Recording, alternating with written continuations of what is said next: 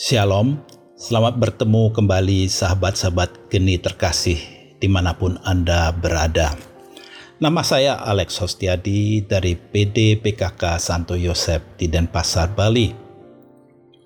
Hari ini kita mau merenungkan bacaan dari Injil Lukas bab 5 ayat 17 sampai 26. Dalam bacaan Injil hari ini, kita melihat bagaimana Yesus menggunakan kuasanya di hadapan para pemuka orang Yahudi dari seluruh negeri, yaitu kuasanya sebagai anak manusia yang berkuasa mengampuni dosa dan juga kuasa untuk menyembuhkan segala sakit, penyakit, dan kelemahan. Kalau kita baca dalam Markus 2 ayat 3, di sana disebutkan di tengah kerumunan orang-orang yang mengeluh-ngeluhkan Yesus, juga hadir empat orang yang telah mendengar bagaimana Yesus telah mengadakan banyak mujizat penyembuhan. Dan mereka ingin membawa sahabat mereka yang lumpuh untuk disembuhkan. Kasih dan perhatian mereka yang begitu besar untuk sahabat mereka yang sakit dan iman mereka yang percaya terhadap kuasa penyembuhan Yesus tampak dari tindakan mereka yaitu mereka dari jauh datang dengan susah payah mengusung sahabat mereka, bahkan sampai mengotong sahabat mereka ke atap rumah, membongkar atap rumah untuk menurunkan sahabat mereka ke hadapan Yesus. Sungguh suatu perjuangan yang luar biasa dan mereka untuk datang kepada Yesus demi kesembuhan sahabat mereka. Iman dari teman-teman orang inilah yang mendorong Yesus mengucapkan sabda pengampunan dalam kisah ini, orang yang lumpuh ini disembuhkan berkat iman dari teman-temannya.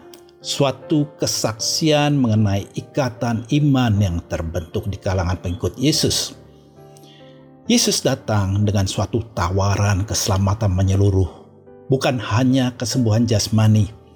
Ia telah melakukan penyembuhan rohani yang jauh lebih sulit. Dan hasil dari yang dilakukan Yesus adalah pujian kepada Allah baik oleh orang yang disembuhkan maupun orang-orang yang menyaksikan peristiwa ini. Itu kita bisa lihat di ayat 25 sampai 26.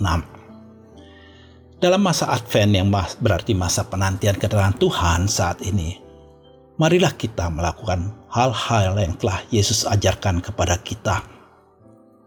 Mungkin sebagai suatu analogi adalah kehidupan kita di dunia ini sama dengan ketika kita menunggu di bandara, menunggu kedatangan saudara atau sahabat yang sangat dengan kita.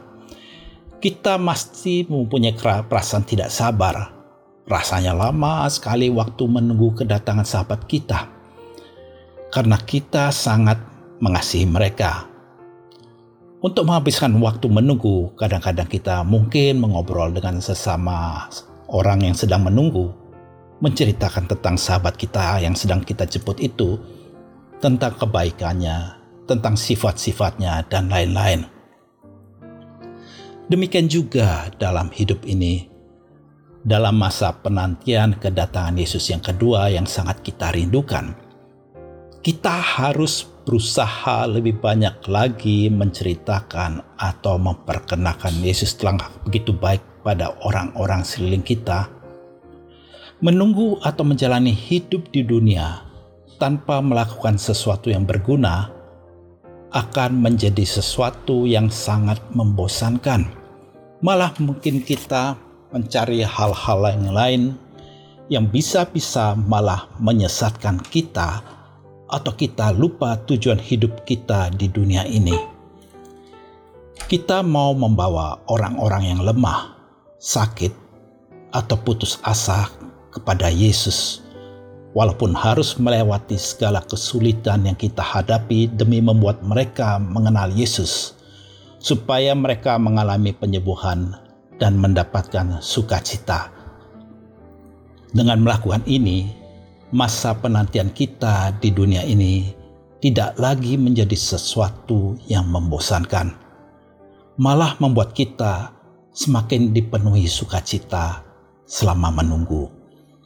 Semoga api Roh Kudus selalu menyemangati kita menjalankan apa yang Yesus perintahkan. Tuhan memberkati kita semua. Amin.